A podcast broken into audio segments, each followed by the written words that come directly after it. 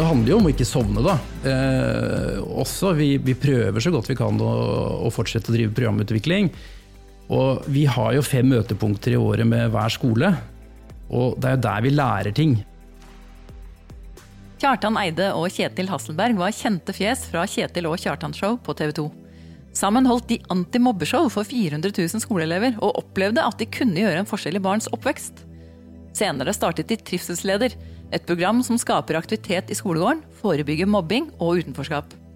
Programmet er nå innført på over en tredjedel av skolene i Norge og flere skoler i Sverige. Mannen som sitter foran meg, har fortsatt rekorden i overbevisende presentasjon hos oss i Ferd sosiale entreprenører. Vi bestemte oss faktisk idet vi gikk ut av møterommet etter første treff. Og sånn ble det.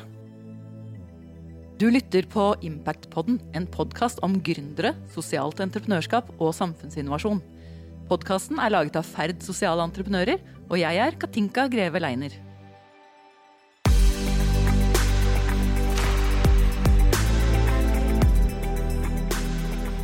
Velkommen til oss, Kjartan Eide, medgründer og daglig leder i Trivselsleder. Tusen takk, det var jo smigrende innledning, da. Men du husker at du fikk raskt svar? Ja, det gjorde vi. Det var kjempebra. Så helt topp. Men før vi hiver oss over det temaet for i dag, og din erfaring med forretningsmodeller og salg, så må jeg jo nesten starte med å få deg til å beskrive hva trivselsleder faktisk driver med. For jeg vet at det er mange der ute som kjenner dere. Det er alltid hender opp i været når jeg spør om hvem som kjenner til trivselsleder på foredrag og sånt. Men, eh, men hva gjør dere egentlig? Ja, Trivselsleder kan kanskje best beskrives med visjonen vår. Altså På trivselslederskoler skal barn og ungdom være aktive og inkluderende, med store smil om munnen. Og Ingebrigt Steen Jensen har jo sagt en gang at en visjon skal kunne synges. Så Katinka, hvis du kan synge visjonen vår, så er vi klar nå. uh, ikke så impulsiv, nei. ok. Nei da, men det er, det er, liksom to ting vi tar tak i, da. Det ene er det å skape økt aktivitet blant uh, barn og ungdom i skolegården. Vi vet jo at det er et problem med at aktivitetsnivået blant uh, ungdom det er jo fallende med stigende alder. Og Det er et globalt problem, og det er et like stort problem i Norge. Og Det andre problemet er jo dette med mobbing, utfrysning, baksnakking, alenegang det at eh, noen ikke har venner og ikke føler seg komfortabel i friminuttene. Eh, og det prøver vi også å gjøre noe med gjennom å skape inkludering i eh, skolegården. Gjennom Trivselsleder, som da er et elevstyrt program. Og Hvordan styrer elevene det?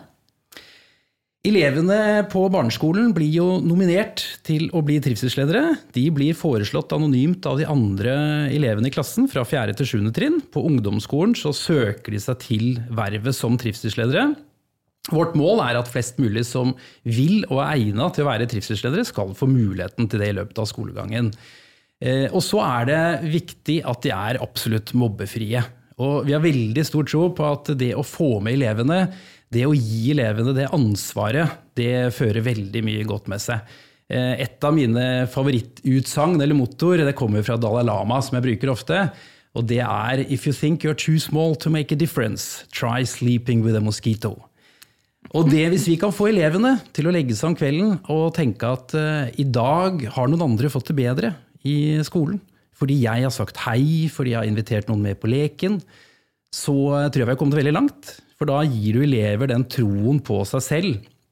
At de kan være med å skape en positiv forandring. Og det er for meg i hvert fall dypest sett det trivselsledere handler om. Det er jo, jeg må innrømme at jeg har vært og sett på noen skoler som har trivselslederprogrammet gående. Og det der å se en skolegård i storefri, mm. som, hvor det er elever i ofte gule vester som løper rundt og organiserer og setter i gang lek. Oransje vester. Oransje er det, ja. Ok, da. Eh, det er jo helt fantastisk. Det synet er kjempekult, altså. Og det, det er det vi også syns er kult med å introdusere trivselsledere på ny skole. fordi det er liksom ikke bare strategiplaner eller noe sånt som skal innføres. Det er så veldig synlig. Når du blir en trivselslederskole, så blir barna sendt på kurs. Vi kommer ut og kurser dem i leker og aktiviteter. Eh, barna kler på seg trivselsledervestene og skaper aktivitet umiddelbart i skolen. Så både for foreldre og, og, elever og lærere så er det veldig synlig at det har blitt en trivselslederskole. Og det mm. syns vi er veldig kult, da. Men hvordan havna egentlig Kjartan oppi dette her? Ja, Det er et godt spørsmål. Jeg tror det er mange grunner til at man uh, ender opp med å drive med det man driver med her i livet. Uh, jeg har tenkt mye på det. Vi, uh, Kjetil og jeg, var jo de som starta helt, helt i starten trivselsleder i 2009. Og vi hadde jo også erfaring fra Tull og tøys på TV med Kjetil og Kjartans show. Og det brukte vi ganske tidlig til noe positivt, ved at vi lagde Kjetil og Kjartans tips mot mobbing. Så vi eh, turnerte jo rundt med store antimobbeshow siden 2001, og, eh, og, har vel nå gjort det for ca. 400 000 elever. Så det å forsøke å skape noe positivt i skolen, det, det vi, hadde vi hatt lyst til veldig lenge. Og for min egen del så har jeg også vært eh, Friskis og Svettis-instruktør i 13 år. Og der jobber man jo som frivillig og er med på å skape bevegelse blant uh, det norske folk og i Sverige. Så det med bevegelsesglede og være i aktivitet, det, det, har også vært veldig viktig for meg, i hvert fall uh, hele livet. Og så har jeg jo tenkt veldig mye på barndomsopplevelser også oppi dette her. Det henter jeg i hvert fall fram som en motivasjon nå uh, seinere. Da jeg gikk siste år på barneskolen, så husker jeg veldig godt at det var én gutt i klassen som gikk veldig mye alene. Han gikk alene til skolen om morgenen. Sto alene i friminuttet, og da skoleklokka ringte ut på slutten av dagen, så gikk han ofte alene hjem igjen. Og jeg husker en episode i gymtimen hvor de andre i anførselstegn, som man ikke ser på radio, kule gutta i klassen hadde eh, stjålet eh, alle klærne hans. Så da han kom ned i garderoben, så fant han ikke klærne sine, ble ordentlig fortvila og dro hjem fra skolen den dagen. Og det her var bare starten på en lang rekke med plageepisoder av han gutten. Men jeg, jeg, husker det, han kom tilbake dagen etter, prøvde seg litt på nytt, og blei stadig mer plaga eh, på skolen. Og så er det jo sånn at eh, når man har liksom nådd en viss alder, da, så er det fortsatt ting fra barndommen, lukter, smaker, bilder som har liksom brent seg fast i bevisstheten, som man husker som om det skulle være i går. Og det bildet som har brent seg fast i min bevissthet, det er bildet av den tomme pulten. Mm. Og vi som gikk i den klassen, vi visste jo hva den tomme pulten skyldtes. Den tomme pulten skyldtes ikke noe annet enn plaging av han gutten, og det tok lang tid før han fikk det noe bedre. Og så kommer jo poenget, da. Det er at da vi begynte å engasjere oss i kampen mot mobbing allerede i 2001, så leste jeg veldig mye om problematikken, og så tenkte jeg tilbake på den episoden og tenkte at ja, men du, Kjartan, du kan jo gå med sånn glorie over hodet. Du var ikke med å mobbe han gutten, du. Du var ikke med å plage han. Du hadde det stort sett ålreit på skolen og spilte fotball og, og, hadde det fint. Men så har jeg tenkt liksom, hvorfor tok jeg ikke én gang Jeg husker hvor han sto oppe i den teglsteinsbygningen som var skolebygningen vår, 30-40 meter unna oss andre. Hvorfor tok jeg ikke én gang og snudde meg rundt, gikk opp til han og stilte det vanskelige eller enkle spørsmålet Har du lyst til å være med? Jeg hadde vært så stolt hadde jeg gjort det. Det gjorde jeg ikke. Og det er noe av liksom min oppfordring til eh, alle elever der ute. Det vil bli så stolt. Det vil gi dere så utrolig mye igjen hvis dere gjør noe sånt. Og det er ofte min motivasjon i dag på regnværsdager eh, når det er litt tungt å jobbe med trivselsleder. Klarer vi å skape enkelte elever som tenker på andre, inkluderer andre, så er det verdt å stå opp om morgenen. Du prøver å gjøre opp for en litt dårlig samvittighet her, med andre ord? Kort og godt. Ja, men Det er vel ingen dårlig drivkraft, det, tenker jeg? Nei, det er, en, eh, det er i hvert fall en motivasjon, og uh, utrolig givende å jobbe med et sånt program. Mm. Det må jeg bare si, og få de historiene vi får også. Det er Men, mening. Dere starta jo da som to gründere, eh, hvor du mm. hadde med deg Kjetil. Mm. Og han trakk seg ut etter hvert. Og så har du fått inn en, si, en ny medgründer, eller en ja. meddrifter, i Tommy Bottenvik. Mm. Kan ikke du si litt om hvordan er det? Det å starte som to og ikke én, og også da faktisk bytte partner underveis? Ja, altså Det har jo vært en lang reise. Kjetil og jeg var jo de som på en måte gründa programmet først. Og det var jo kjempespennende, og Kjetil bidro jo masse i den perioden han var med. Han eh, har jo den utrolig gode egenskapen at han er uredd. Så han pløyde jo veldig mye mark. Han eh, kan ta kontakt med statsministeren i morgen, om så er. Eh, så jeg lærte veldig mye av han på det å tørre å ta de kanskje litt vanskelige telefonene òg, for, for, en god sak, rett og slett. Eh, og så slutta jo han i 2011, og så har jeg lyst til å legge til at vi var jo fem stykker som starta Trivselsleder som et AS i 2010. Så jeg har lyst til å ha med både Anders Lindstad, som ga oss veldig mye på det å drive næring. Også Ove Grodtheim, eh, som er en herlig fyr, som hadde masse kontakter og nettverk og, og gode tips til eh, programutvikling. Og så da, sist, men ikke minst, selvfølgelig Tommy Bottenvik, som også hadde veldig mye erfaring fra næringslivet. og jeg må jo si det at det å kunne få lov å drive trivselsleder med bestekompisen sin, det er helt fantastisk. Vi kjenner hverandre etter hvert så godt og har så god kjemi. Så eh, det er en ekstra motivasjon å gå på jobb. Og eh, ikke bare liksom jobbe, men også møte kompisen sin på jobb, og det er helt fantastisk. Jeg har jo opplevd at dere er ganske flinke dere to til å trekke med dere kan du si, humør- og lek-tankegangen eh, inn i møter òg. Mm. Sånn at når vi samles, så er det fort gjort at dere legger dere litt borti hvordan de møtene skal foregå. I hvert fall pausene. Ja, altså det er lek er moro. og Det er jo ikke bare at vi oppfordrer barna til å leke. Vi er jo homo ludens eh, hele gjengen, altså lekende mennesker. Vi har enorm tro på den kraften som ligger i det å leke, tøyse, ha selvironi, eh, humor, ikke ta seg sjøl så, så, seriøst og høytidelig og, de tinga der. Det er utrolig viktig.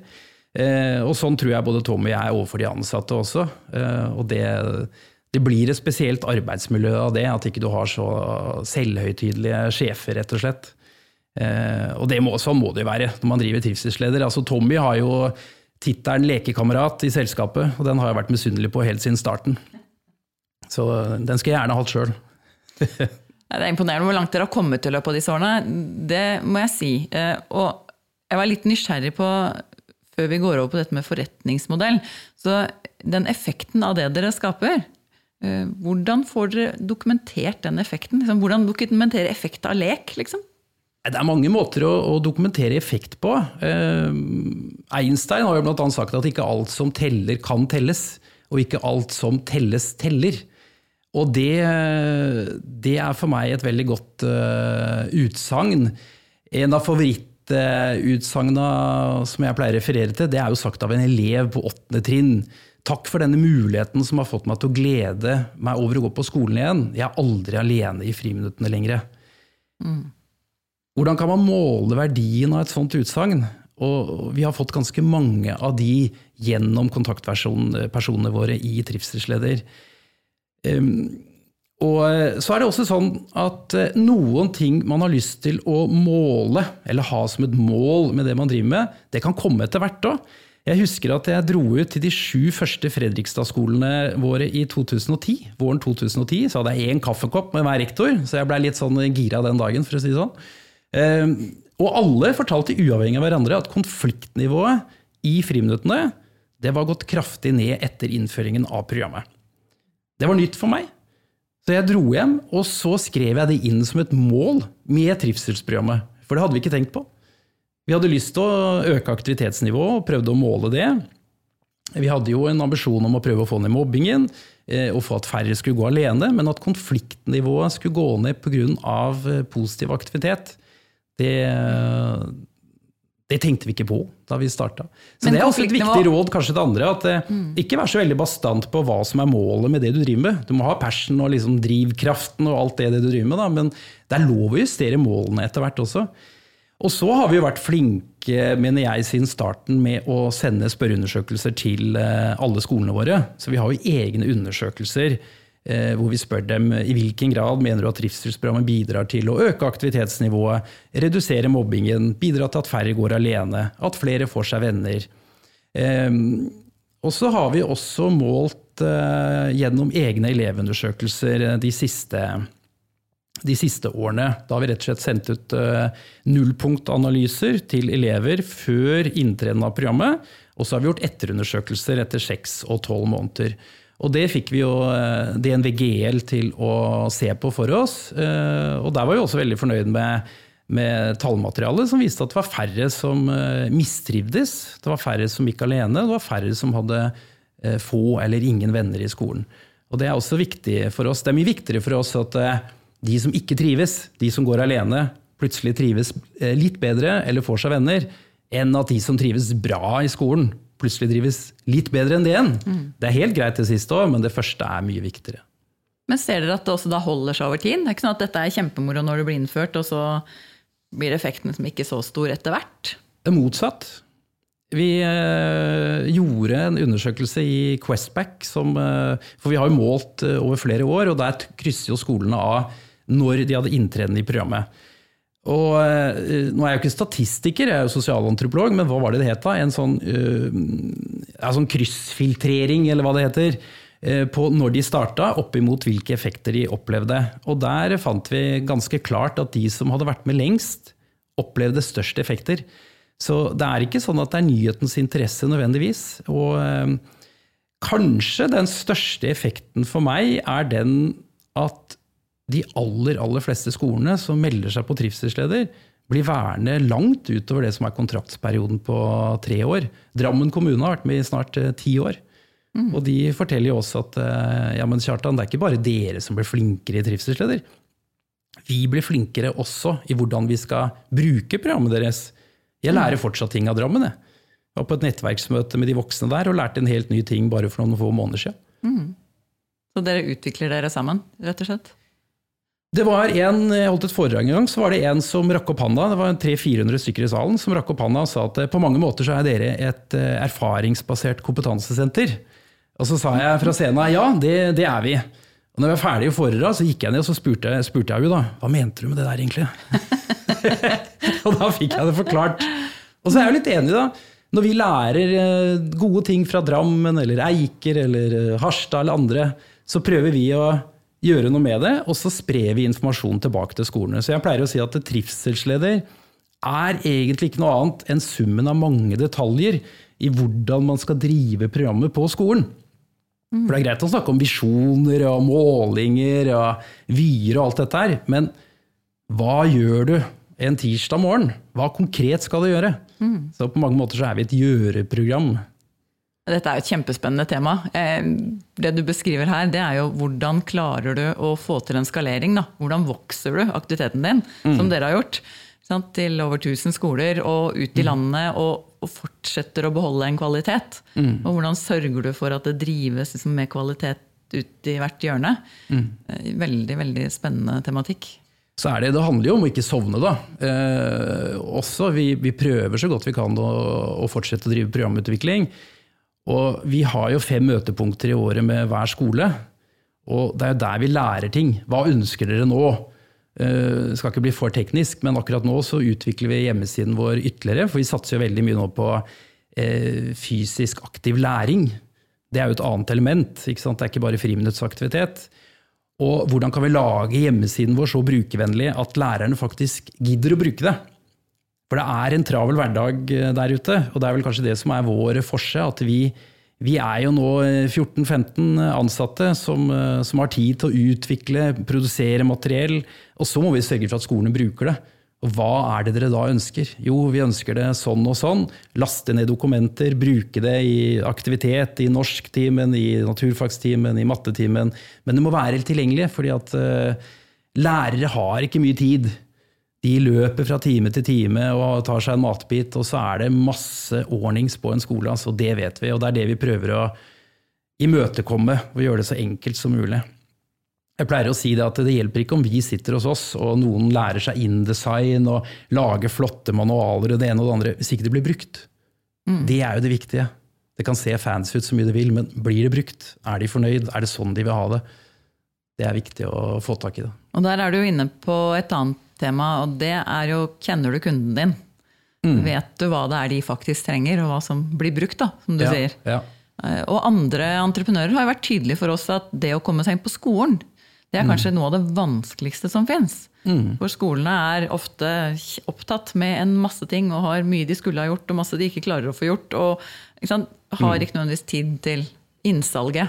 Eh, Så, så hvordan lyktes dere der? Jeg tror at eh, i starten så hadde det litt å gjøre med at eh, Kjetil og jeg vi hadde et fotfeste i Skole-Norge. Vi hadde vært rundt allerede da og holdt eh, antimobbeshow for eh, 250 000 eller noe elever. Vi hadde kontakt med mange skolesjefer. Vi hadde et eh, halvkjent navn, Kjetil og Kjartan, eh, som begrep, også inn mot eh, mobbeproblematikken. Så når vi da ringte og sa at vi hadde lyst til å presentere et nytt konsept i eh, 2009 og 2010, så følte jeg egentlig at dørene var ganske åpne for oss. Vi hadde jo tross alt i starten presentasjoner for over 200 rektornettverk i Norge, og det er ganske, ganske mange. Mm. Så vi reiste jo rundt en periode, tre-fire stykker av oss, på kryss og tvers. Både Kjetil og Tommy og jeg og flere andre etter hvert. Um, og så hadde vi kanskje en troverdighet gjennom uh, antimobbearbeidet vårt. Og så tror jeg også at vi, vi traff uh, riktig tidsmessig. I den forstand at skolene var litt klare for noe nytt. Antimobbeprogrammer har jo eksistert en stund, og ikke noe galt med det, for all del. Eh, men trivselsprogrammet er ikke et antimobbeprogram per se, det er et forebyggende program. Og det får med elevene, og det er farger, og det er et gjøreprogram. Det er veldig konkret hva som skal skje. Og eh, jeg tror kanskje at eh, det at det opplevdes som noe nytt og spennende, var, var viktig for oss. Mm. I kombinasjon med at vi var litt uredde begge, det, altså alle sammen. da. Vi, vi gønna på. Men da er det jo fristende å nettopp lede oss over til dette med forretningsmodell. For når dere satte mm. i gang og hadde det engasjementet som jeg jo hører, det har du definitivt for det du ønsker å få til. Hadde du klart for deg fra dag én hvordan du skulle tjene penger på dette, og klare å få det hele til å gå rundt?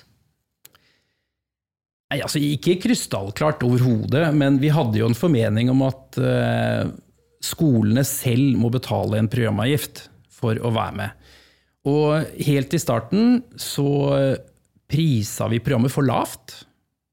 Det var det andre som kom etter oss, blant annet, som korrigerte Kjetil og meg på. Vi prisa det for lavt, og så hadde vi også litt for få møtepunkter eh, med skolene. Og dette korrigerte vi i løpet av de første to årene. Vi måtte heve prisen, fordi eh, vi hadde jo lyst til å ha med så mange som mulig. Men det hjelper ikke det hvis ikke de pengene du får inn er med på å finansiere vekst og kunne ansette stadig nye folk for å kunne videreutvikle programmet. Så det å finne akkurat ut hvor den prisen skal være, det har vi nok gjort eh, på en eller annen måte sånn stilltiende i dialog med skolene. Og i dag så mener jeg at vi har truffet det ganske greit på, I og med at vi har såpass mange skoler i Norge, så pleier jeg også å si det at vi er et lavkostnadsprogram. Og over 1000 skoler i Norge hadde ikke vært med på dette her hvis prisen var feil. Mm. Eh, og de Men, abonnerer på dere i dag? Ja, i dag er det Og der kom jo også dere i, i ferd inn og hjalp oss. For vi hadde jo eh, ettårige avtaler i starten. Og så begynte vi å drodle litt ut sammen med dere også. Eh, Lars Kristian bl.a., som satt i, i, styret sammen med oss. Og så lagde vi da treårige avtaler. Og det kan veldig lett rettferdiggjøres overfor eh, skolen også. Vi, vi sier ikke til skolene at vi skal ha treårige avtaler, for da kan vi tjene mer penger.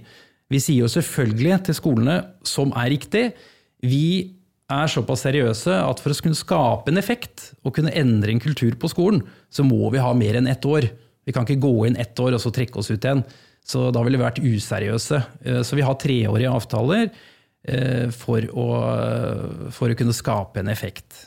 Av, eh, av, programmet. Som du sa i sted også, at de blir flinkere til å drive programmet fra skolens side ja, også? Ja, de blir flinkere, de også.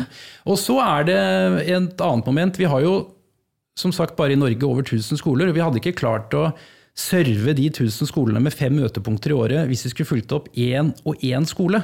Så jeg tror noe av det lure vi har gjort, det er også å jobbe i nettverk av skoler. Så vi sier alltid at vi må ha minimum tre skoler i et nettverk for å komme og følge dem opp. Og det gir ganske mange effekter. Vi sparer skolene for reisekostnader. Det gir også en sånn ekstraeffekt i kommunene, i den forstand at eh, man får en vi-følelse i kommunen. Nå er det vi som starter med noe nytt, og vi ser at det tiltrekker seg lokale eh, media, som gjerne vil dekke lekekurs med 200 nyvalgte trivselsledere i den og den mm. kommunen. Og ikke minst så ser vi også effekten av det på nettverksmøter, når den voksenpersonen fra hver skole møtes sammen med oss for å dele erfaringer. Vi kommer med ny informasjon. Den eh, psykologiske effekten der skal man heller ikke kimse av, for da kan én skole sitte og si at nei, vi sliter litt med det og det, og så trenger ikke jeg si noen gang, for det er den andre skolen som sier at ja, men vi har gjort det sånn og sånn, kan du ikke prøve det? Jo, det er en god idé. Mm. Kan ikke jeg besøke deg, og så ser vi hvordan dette her eh, fungerer. Så igjen, det er disse her småtingene som må, som må, fungere i hverdagen. Mm. Men det er skolene som betaler, ikke kommunene? selv om du nevner kommunene nå. Det er eh, stort sett skolene som betaler. Vi har noen få eh, kommuneavtaler. Men fordelen ved at eh, skolene betaler, mener vi, det er at det forplikter også fra skolene selv. Vi har merka noen få ganger så har en eller annen utenforstående aktør sponsa et nettverk av skoler, og da blir de med. Men vi merker også at engasjementet er nødvendigvis ikke like, like stort. Og når avtalen da går ut, så har vi ikke en fastbetaler. Mm. Da er det sånn at nei, da blir vi ikke med lenger, fordi at den og den eksterne aktøren skulle bare betale for tre år, f.eks. Så, så, vi prøver faktisk å inngå individuelle avtaler, også for å skape engasjement i skolene. Dere har jo også begynt å spre dere utover Norge. Har vel mm. forsøkt dere i ja, hele Norden, nesten. Um, kunne du si litt om nettopp dette med forretningsmodell i møte med andre land? Kan dere ta med dere akkurat samme modellen og så introdusere den i Sverige og i Danmark og rundt forbi? Ja, vil jeg si. Så langt er erfaringen at vi kan det. Vi har nå fått uh, ca. 350 skoler i Sverige. Uh, vi har samme type modell. Det er noen smånyanser, men det er ikke mye. Vi jobber med ganske universelle ting, som å skape økt aktivitet og jobbe mot alenegang, at flere skal få seg venner osv. Så, videre. så eh, en skole i Sverige er lik en skole i Norge på de aller fleste områder. Men eh, det kan være andre ting som, eh, som, ikke går så bra. Vi prøvde oss jo i Danmark og over to-tre år. Prøvde veldig intenst, faktisk. Og eh, der fikk vi det ikke til. Så det er kanskje den største skuffelsen i løpet av de ti årene. Vi fikk på plass en sånn 16-18 skoler, men der var ikke klimaet bra nok, tror vi. For vi er jo de samme, så jeg kan ikke skjønne at det skal være noe annet. men men eh, der var det en skolereform, og det var masse sinte rektorer på den tiden. Permitterte rektorer fordi Danmark, eh, eller danske skoler fikk beskjed om å innføre én time fysisk aktivitet hver dag. Som vi tenkte at det er en drømmesituasjon for oss. Da kommer vi inn, og så har vi løsningen. Mm. Men det fulgte ikke midler med det politiske vedtaket. Og da ble veldig mange av de danske skolene i harnisk. Og det å innføre noe, et element i en situasjon med kaos er ikke like enkelt, merka vi, som å innføre noe i Norge mm. når det kanskje var litt sånn modent for det. Så vi kan jo skryte av oss sjøl, det er alltid gøy det, men vi kan jo også tenke at eh, kanskje vi hadde litt flaks òg. Du traff planken liksom, ja. på tid, være ja. på riktig sted. Alltid det, et element av flaks. Mm. Men hva er ambisjonen nå, da? Nå er ambisjonen å eh, prøve å holde på alle de skolene vi har i Norge. Bare siden vi starta i 2009, så har jo 500 skoler i Norge blitt nedlagt eller slått sammen med andre. Så markedet vårt det, det forsvinner jo litt. Det er jo ikke veldig mange skoler igjen i Norge å ta av. I dag så ble en kommune med i Trivselsleder som totalt har seks skoler og 202 elever. Ikke sant? Så det er mm. ganske mange små skoler i Norge. I Sverige så har vi som sagt 350 elever, og vi prøver å vokse i Sverige. Eh, og vi har jo også aktivitet på Island. Og så har vi litt ambisjoner om å lage det til et franchise-konsept eh, til andre land. Så vi er i gang med å oversette materiell til engelsk. Og eh, så er jeg også medlem av noe som heter Ashoka, som er eh, verdens største nettverk for sosiale entreprenører. Så der har vi også inngang hvis vi har lyst til å starte opp i England eller Tyskland. Der kan vi få eh, sterk drahjelp. Men vi kommer ikke til å starte selv på nytt, sånn som vi gjorde i Danmark. Ehm, det, jeg har spist nok danske røde pølser ehm, på dagsturer til Danmark. Så da må du ha noen lokale ildsjeler som ja, drar i gang? det må ha noen lokale ildsjeler, det er kanskje det viktigste. Mm. Altså. Men eh, jeg blir litt nysgjerrig på en, eh, dette, en diskusjonen da, inn mot det offentlige, som går på det å være en kommersiell aktør som tjener penger. For dere går jo faktisk med overskudd nå. Mm. Eh, og selv om dere er tydelig en sosial entreprenør med en sosial drivkraft, mm. så, så, vil jo noen skoler kunne se på dere som en hvilket som helst annet selskap som skal selge noe til dem. Mm. Hvordan er det? Er du en kommersiell aktør, og har du møtt noen fordommer eller noen problemer der ute? Veldig, veldig, veldig få, altså. Det må jeg si på det å være kommersiell aktør. Eh, skolene er vant til å betale for tjenester, betale for utstyr. Enten det er skolepulter, eller det er eh, bøker, eller det er en rørlegger, eller hva det måtte være, så kommer jo dette fra kommersielle aktører. Så jeg tror det er helt andre ting som er med på å avgjøre om en skole ønsker programmet vårt eller ikke. Det er økonomien i kommunen, det er om det passer inn i de planene skolene har. Det var faktisk en som uh, var veldig sint, uh, som jeg snakka med, og som spurte meg, det er mange år sia, eh, er de kommersielle? Og så ble jeg litt sånn Ja, beklager det. ja, det er bra. For da betyr det at dere er her også neste år. For vi gidder ikke å satse på noe som eh, ikke er levedyktig. Det er en helt andre måten å, å, å se det på.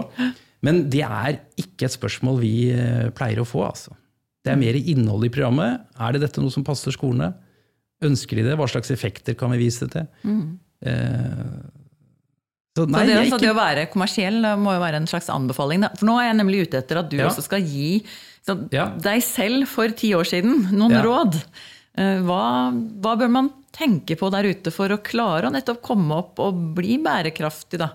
Få jeg tenker sånn at det, det, det, er tenke, det er lov å tørre å tenke nytt, da.